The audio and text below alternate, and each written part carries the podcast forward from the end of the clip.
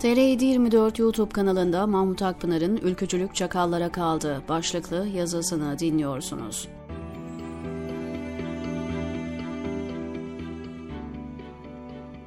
...1970'lerde gençler solcu veya sağcı olmak zorundaydı. Siyasi bölünme çok fazlaydı. Çatışmalar yaygındı. Şehirler sokak sokak, mahalle mahalle, ülkücü, devrimci, akıncı, Mao'cu gibi sağın ve solun farklı fraksiyonlarına bölünmüştü. Şiddet ve bölünmüşlük en çok gençleri vuruyordu. O dönem gençler 15-16 yaşında militan haline geliyor, beline silah takıyor, her gün birbirini öldürüyordu. Evlerden gencecik cenazeler çıkıyor, gazeteler şiddete kurban edilen gençleri haberleştiriyordu. Her ölümde intikam yeminleri ediliyor, siyasi bölünme artıyordu.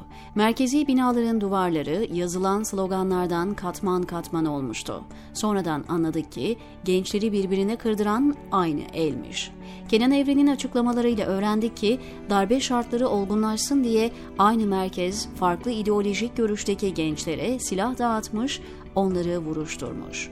1980 ihtilali olduğunda orta üçe geçmiş bir yeni ergendim. O yıllarda ortaokula giden çocuklar dahi çok politizeydi. Herkesin mutlaka bir duruşu, bir görüşü olurdu. Siyasi aidiyeti olmayan ot olarak anılır, aşağılanır, dışlanırdı. Bugün bebe görsek de o dönem orta bir, orta ikiden itibaren çocuklar neci olacağına karar verirdi. Hareketli ve idealist gençler ailesi, çevresi solcuysa genelde devrimci olurdu. Eğer çevresi muhafazakar, dindarsa ülkücü veya akıncı olurdu. Ben de ortaokuldan itibaren bu grupların ilgi alanına girmeye başladım çünkü boyum erken uzamıştı, yaşımdan olgun gösteriyordum. İmam Hatip Lisesi'nde okuduğum ve muhafazakar bir aileden geldiğim için devrimci, solcu olmak bana uzaktı. O dönemde kendisine devrimci diyen gençlerin açıktan ve çok ağır Allah'a, kitaba, kutsallara sövmeleri bende tepkiye sebep oluyordu. Bu yüzden İmam Hatipler ve ülkücülerin ya da akıncıların hakim olduğu bu iki grubun çokça mücadelesinin görüldüğü alanlardı.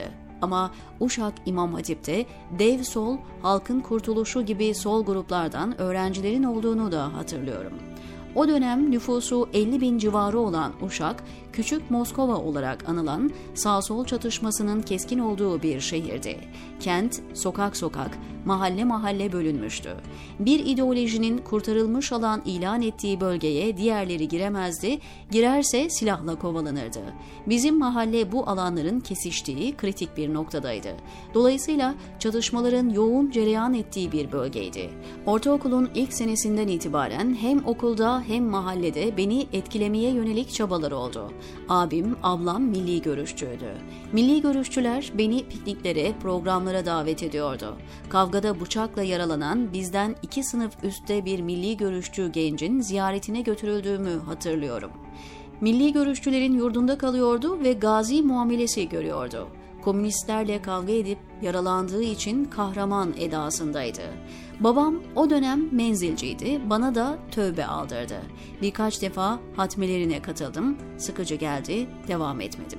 Sonra zaten babam da çok sigara içiyorlar diye menzili terk edip Mahmut Efendi'ye intisap etti.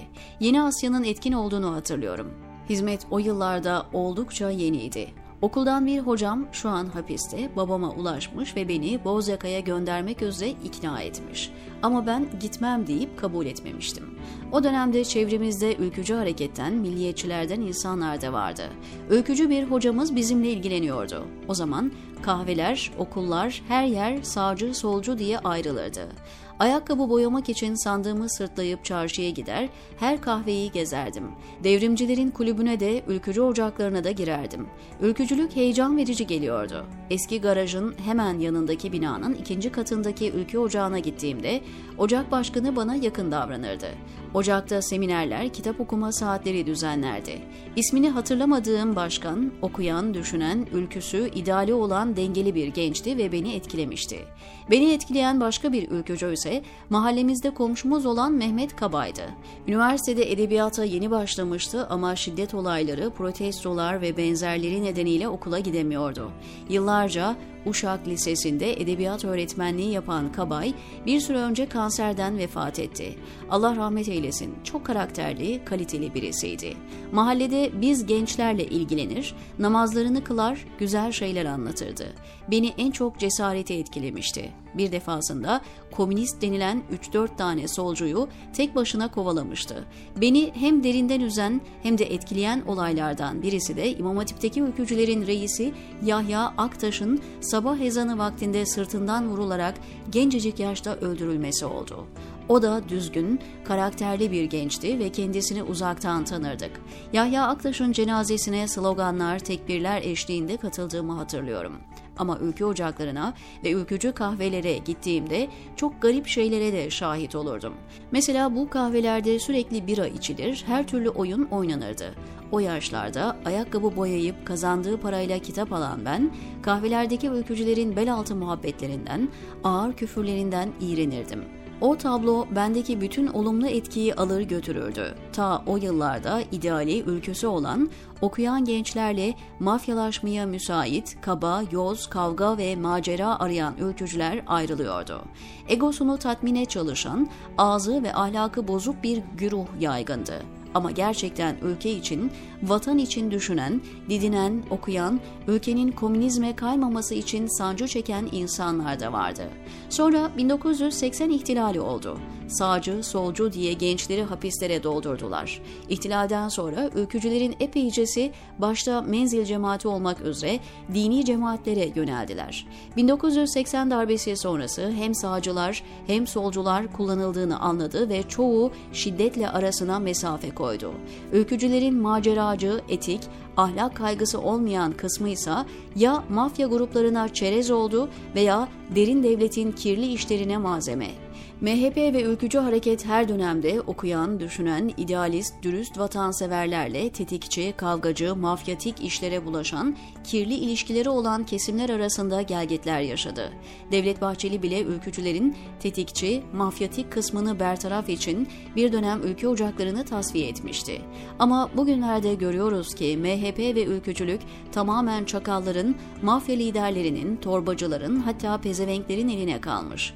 Kadın pazarlamaktan suçtan mahkumiyet alan biri bile bozkurt işareti yapıp suçu da FETÖ'ye yıkıp kendini kurtarmayı hedefliyor. Çünkü o kimliğin kendini koruyacağını düşünüyor. Münhasıran bu zamanda iktidar ortağı da olduğu için bütün suç şebekeleri kendilerini MHP'li ülkücü olarak tanımlıyor. Çünkü MHP bütün çetelere, mafyatik yapılara koruma sağlıyor. Bahçeli ülkenin en kriminal kişilerinden olan Kürşat Yılmaz'ı ve Alaaddin Çakıcı'yı salmak için yasal düzenleme yaptırdı parlamentoyu kullandı. Katillere, mafya elemanlarına kol kanat geriyor, onlarla poz veriyor. Ama aynı MHP, ülkücü camianın yazan, düşünen, üreten adamlarına sahip çıkmadı. Mümtazer Türköne, Ahmet Turan Alkan gibi aydınlar sırf düşünceleri yüzünden yıllarca hapis yattı. Daha ötesi Bahçeli liderliğindeki MHP tarihe kendi ülke ocakları başkanını öldürten hareket olarak geçti. Bahçeli ahir ömründe kendisi için olabilecek en kötü finali yaşıyor. Devlet Bey her fırsatta HDP kapatılmalı diyor.